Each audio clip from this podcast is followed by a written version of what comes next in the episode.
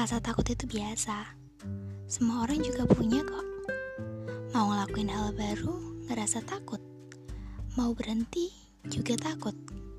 Hmm, perasaan takut itu bukan hantu loh. Takut itu wajar kita rasain. Bahkan karena rasa takut, kita harus berpikir, bagaimana ya caranya agar kita nggak takut lagi? Takut gagal, ya kita harus berusaha. Takut masa depan suram, ya pastinya kita harus mempersiapkannya sejak dini. Jadi, jangan pernah takut dengan perasaan takut kalian ya.